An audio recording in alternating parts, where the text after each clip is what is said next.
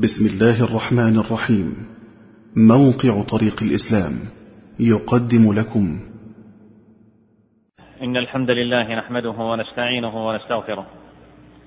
ونعوذ بالله تعالى من شرور أنفسنا ومن سيئات أعمالنا. من يهده الله فلا مضل له ومن يضلل فلا هادي له. وأشهد أن لا إله إلا الله وحده لا شريك له. وأشهد أن نبينا محمدا عبده ورسوله.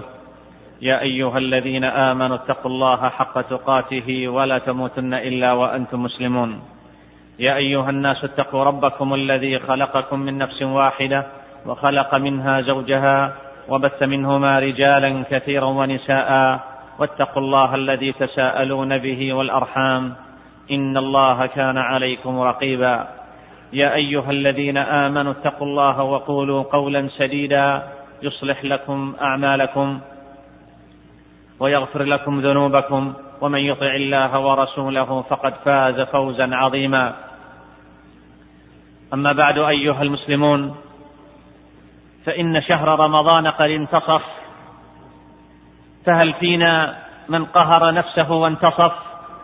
وهل فينا من قام فيه بما عرف؟ وهل تشوقت أنفسنا لنيل الشرف؟ أيها المحسن فيما مضى منه دم على طاعتك وإحسانك وأيها المسيء وبخ نفسك على على التفريط ولمها. إذا خسرنا في هذا الشهر متى سنربح؟ وإذا لم نسافر فيه نحو الفوائد فمتى سنبرح؟ فلنستدرك فلنستدرك باقي الشهر يا عباد الله. فإنه أشرف أوقات الدهر.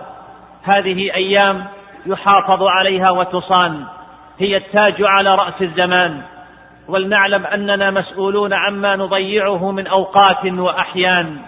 نعم إننا مسؤولون عن هذه الأوقات من أعمارنا. في أي مصلحة قضيناها؟ أفي طاعة الله وذكره وتلاوة كتابه وتعلم دينه؟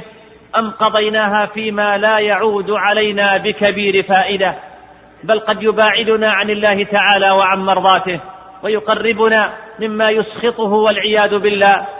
فالعجب لنا نعرف ما في هذا الشهر من الخيرات والبركات ثم لا تطمئن أنفسنا إلا بتضييع أوقاتنا فيما لا يزيدنا إلا بعدا عن الله. وكأن صحفنا قد ملئت بالحسنات وضمنا دخول الجنات إلى متى؟ إلى متى نرضى بالنزول في منازل الهوان؟ هل مضى من أيامنا يوم صالح سلمنا فيه من المعاصي والآثام؟ تالله لقد سبق المتقون الرابحون. تالله لقد سبق المتقون الرابحون. ونحن راضون بالخسران. أعيننا مطلقة في الحرام. وألسنتنا منبسطة في الآثام ولأقدامنا على الذنوب إقدام. ونغفل أن الكل مثبت عند الملك الديان. عن ابن عباس رضي الله عنهما مرفوعا إلى النبي صلى الله عليه وسلم أنه قال اغتنم خمسا قبل خمس. حياتك قبل موتك وصحتك قبل سقمك وفراغك قبل شغلك وشبابك قبل هرمك وغناك قبل فقرك. عباد الله إننا لا نعرف قدر وقيمة نعمة الحياة والصحة والفراغ والشباب والغنى إلا بعد زوالها وفقدها. فلنغتنم فرصة وجودها ولنسخرها في كل ما يوصلنا إلى جنات ربنا عز وجل ويباعدنا عن عذابه. ولنستيقظ من غفلتنا ولنستدرك ما فاتنا من رمضان ولنجعل ما بقي من شهرنا أحسن مما فات. ولنتذكر قول النبي صلى الله عليه وسلم من صام رمضان إيمانا واحتسابا غفر له ما تقدم من ذنبه. فمن أراد الفوز بالجنة والنجاة من النار فما عليه إلا استغلال وقته وصحته وماله في هذا الشهر المبارك خاصة في طاعة الله تعالى والتقرب إليه. فلعل الواحد منا يكون هذا الشهر آخر رمضان يعيشه فيكون ممن أعتق فيه من النار. ربنا ظلمنا أنفسنا وإن لم تغفر لنا وترحمنا لنكونن من الخاسرين. فاتقوا الله عباد الله واجتهدوا في الأعمال الصالحة في بقية شهركم. وكم من الناس كم من الناس حتى يومنا هذا لم يستفد من شهر رمضان. قد ضيع نهاره في النوم ولياليه في السهر المحرم حتى متى حتى متى يعيش الإنسان للذاته وشهواته؟ وحتى متى يسير في طريق النار ومع ركب إبليس؟ ألا ينزجر هذا المسكين؟ ألا يصحو من سبات الغفلة وضياع العمر؟ أما يعلم المفرط في الطاعة أن شهر رمضان شهر مليء بأسباب المغفرة؟ فمن فرط في هذه الأسباب كان محروما غاية الحرمان. فيا من يريد العتق من النار ومغفرة الذنوب ورضا الرحمن ينبغي لك أن تأتي بأسباب توجب لك الرحمة والمغفرة والعتق من النار من الصيام والقيام وقراءة القرآن والذكر ومساعدة الفقراء والمحتاجين وإطعامهم والصدقة والاستغفار وغير ذلك من الأعمال الصالحة. وقد ورد في الترمذي وغيره بسند صحيح قول النبي صلى الله عليه وسلم إن لله عتقاء من النار وذلك في كل ليلة. ماذا فات من فاته خير رمضان؟ وأي شيء أدركه من أدرك فيه الحرمان؟ أيها المسلمون اعلموا أن المؤمن يجتمع له في رمضان جهادان لنفسه. جهاد بالنهار على الصيام وجهاد بالليل على القيام. فمن جمع بين هذين الجهادين ووفى بحقوقهما وصبر عليهما وفي أجره بغير حساب. وفي الحديث عن عبد الله بن عمرو عن النبي صلى الله عليه وسلم قال الصيام والقرآن يشفعان للعبد يوم القيامة. فيقول الصيام أي رب منعته الطعام والشهوات بالنهار ويقول القرآن منعته النوم بالليل فشفعني فيه فيشفعان. فيا من يا من ضيع عمره في غير الطاعة يا من فرط في شهره بل في دهره وأضاعه ويا من بضاعته التسويف والتفريط وبئست البضاعة. أيا من جعل خصمه القرآن وشهر رمضان؟ كيف ترجو من خصمك الشفاعة؟ يا من تكاسلت عن القيام بواجب الطاعة في أول الشهر لا تكن من المحرومين. لا تكن من المحرومين. ففي الوقت فسحة وفي الشهر بقية هل لك الآن أن تبادر وأن تستقبل بقية الشهر؟ أم تريد أن تكون من المحرومين؟ أيها العبد الفقير إلى ربك لو عرفت قدر نفسك ما أمررتها بالمعاصي؟ لأنك أنت المختار من المخلوقات ولك أعدت الجنة. إن اتقيت وعملت صالحا. فهي إنما أعدت للمتقين. فكيف ترضى أن تكون من أتباع إبليس وأن تكون معه في النار غدا؟ من جملة أتباعه. وإنما طرد اللعين عن الجنة من اجلك طرد اللعين عن الجنة من اجلك عندما تكبر عن السجود لأبيك. ثم بعد ذلك ترضى لنفسك أن تكون من حزبه. وإنما يدعو حزبه ليكونوا من أصحاب السعير. ألا إن حزب الشيطان هم الخاسرون. تنصف الشهر تنصف الشهر ولهفاه وانهمرا واختص بالفوز بالجنات من حزم وأصبح الغافل المسكين منكسرا مثلي فيا ويحه يا عظيم ما حرم. من فاته الزرع في وقت البدار فما تراه يحصد إلا الهم والندم. طوبى لمن كانت التقوى بضاعته في شهره وبحبل الله معتصما. فيا قوم ألا خاطب في هذه الشهر إلى الرحمن؟ ألا راغب فيما أعده الله للطائعين في الجنان؟ ألا طالب لما أخبر به من النعيم المقيم مع أنه ليس الخبر كالعيان؟ أيها المسلمون ما أشبه الليلة بالبارحة. بالأمس كنا نستقبل رمضان. وها نحن نودع أسبوعين كاملين مضيا بما فيهما من الطاعات والأعمال الصالحة من صيام وقيام وتلاوة قرآن وها هي أيامه الجميلة ولياليه الطاهرة تمشي الهوينا لكي تطوي علينا هذا الشهر المبارك. أيها المسلمون إنه والله من العجب أن نرى أناسا ليس لهم هم في هذه الدنيا إلا تضيع الأوقات في اللهو والغفلة. تمر عليهم المواسم والفرص ولا يحرصون على استغلالها في طاعة الله. انظروا مثلا للناس في صلاة العشاء. يملؤون المسجد. حتى إذا فرغوا من صلاة العشاء خرجوا من المسجد بحيث أنهم لا يفكروا مجرد تفكير. يتبعه عمل في صلاة التراويح. ويحرمون أنفسهم. أجر مغفرة الذنوب. وما هي وما هي إلا دقائق معدودات. وكأن الدنيا فائتة وسوف تذهب عليهم. فلماذا العجلة إذا والبعض يفرط أصلا في صلاة الجماعة حتى في رمضان. وهذا يعرض نفسه للعقوبة ومشابهة المنافقين. والبعض لا يصون صومه عن الكذب والغيبة والنميمة والغش وسماع الأغاني والموسيقى وغير ذلك من الأعمال التي تخدش أجر الصوم.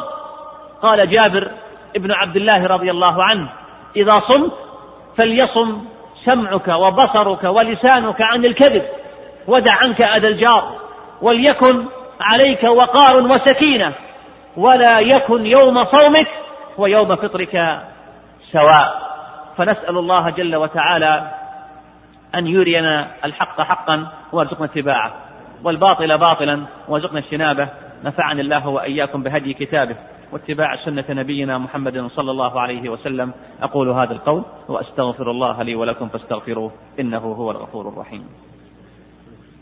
الحمد لله على إحسانه وأشكره على توفيقه وامتنانه وأشهد أن لا إله إلا الله وحده لا شريك له تعظيما لألوهيته وربوبيته وأسمائه وصفاته وأشهد أن نبينا محمدا عبده ورسوله الداعي إلى جنته ورضوانه فصلوات ربي وسلامه عليه وعلى آله وعلى أصحابه وسلم تسليما مزيدا. أما بعد أيها المسلمون إن لشهر رمضان طعما خاصا وحديثا يجلي القلوب ومحبة خاصة وشعورا غريبا لا يشعر به إلا المحبون الراغبون في هذا الشهر. وما فيه من الخير العظيم وكأني بأولئك المؤمنون يطلقون العبرات والزفرات والدعوات لعلهم أن يكونوا من عتقاء هذا الشهر.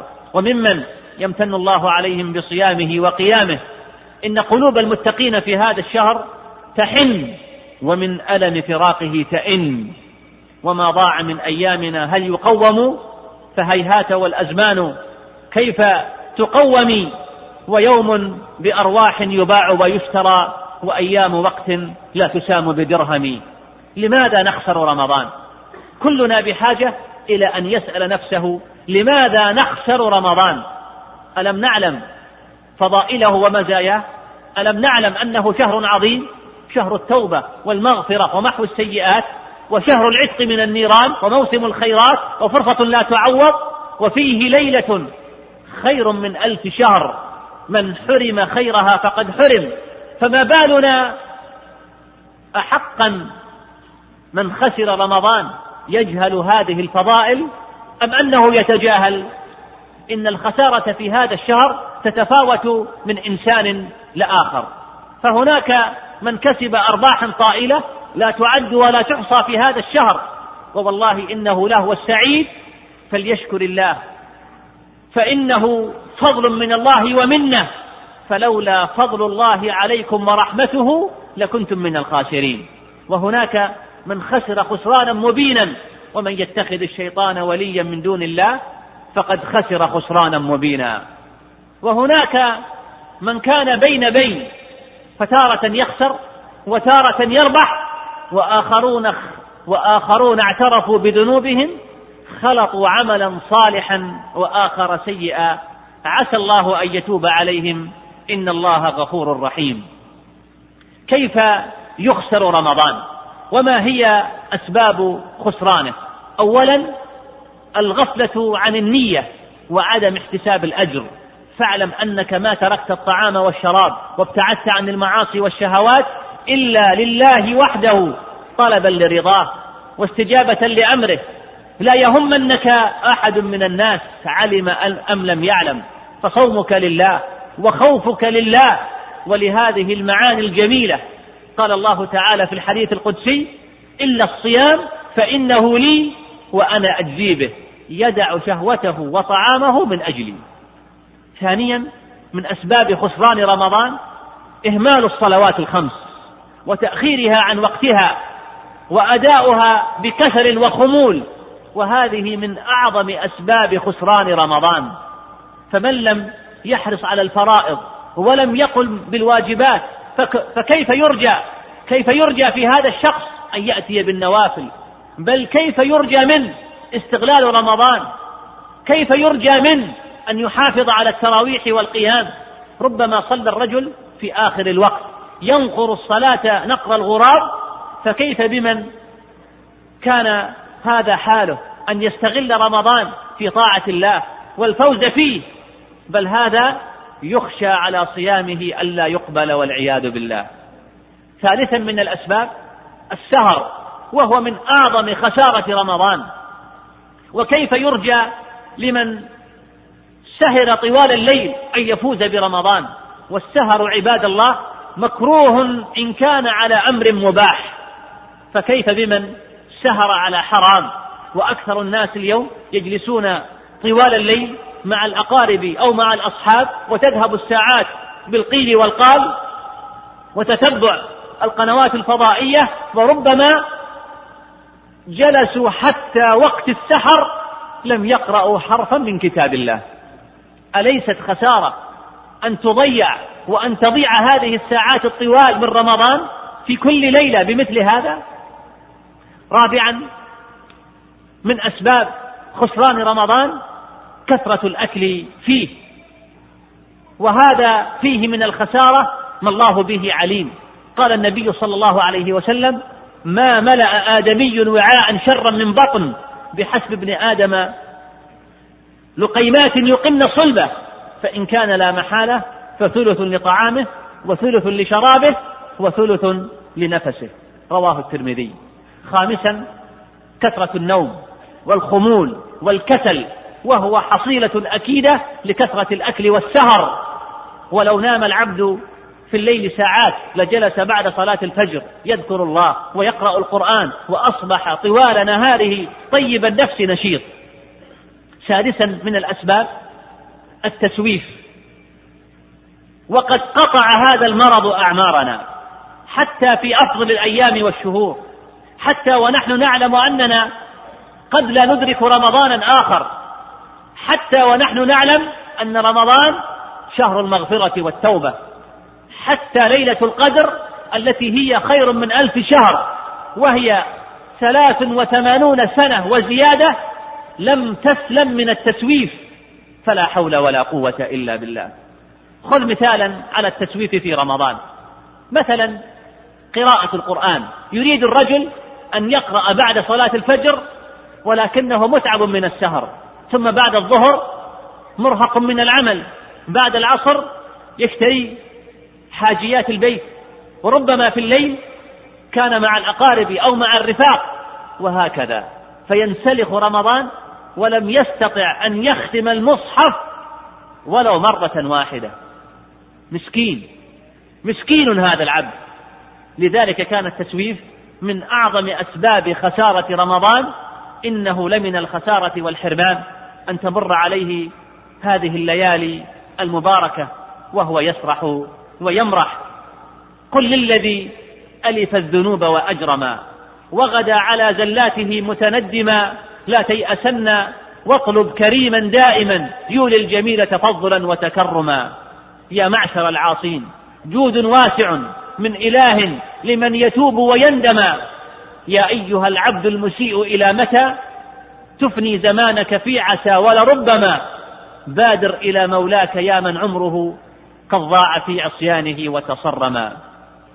ربنا آتنا في الدنيا حسنة وفي الآخرة حسنة وقنا عذاب النار.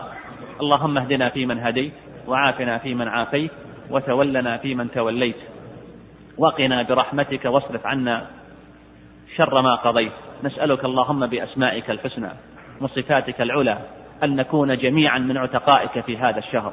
اللهم تقبل منا صيامنا وتقبل منا قيامنا وتقبل منا تراويحنا وسائر أعمالنا وأعد علينا يا ربنا رمضان أعواما عديدة وأزمنة مديدة ونحن على طاعة واستقامة يا رب العالمين. اللهم صل على محمد وعلى آل محمد كما صليت على إبراهيم. وعلى آل إبراهيم إنك حميد مجيد. اللهم بارك على محمد وعلى آل محمد كما باركت على إبراهيم وعلى آل إبراهيم في العالمين إنك حميد مجيد. وآخر دعوانا أن الحمد لله رب العالمين.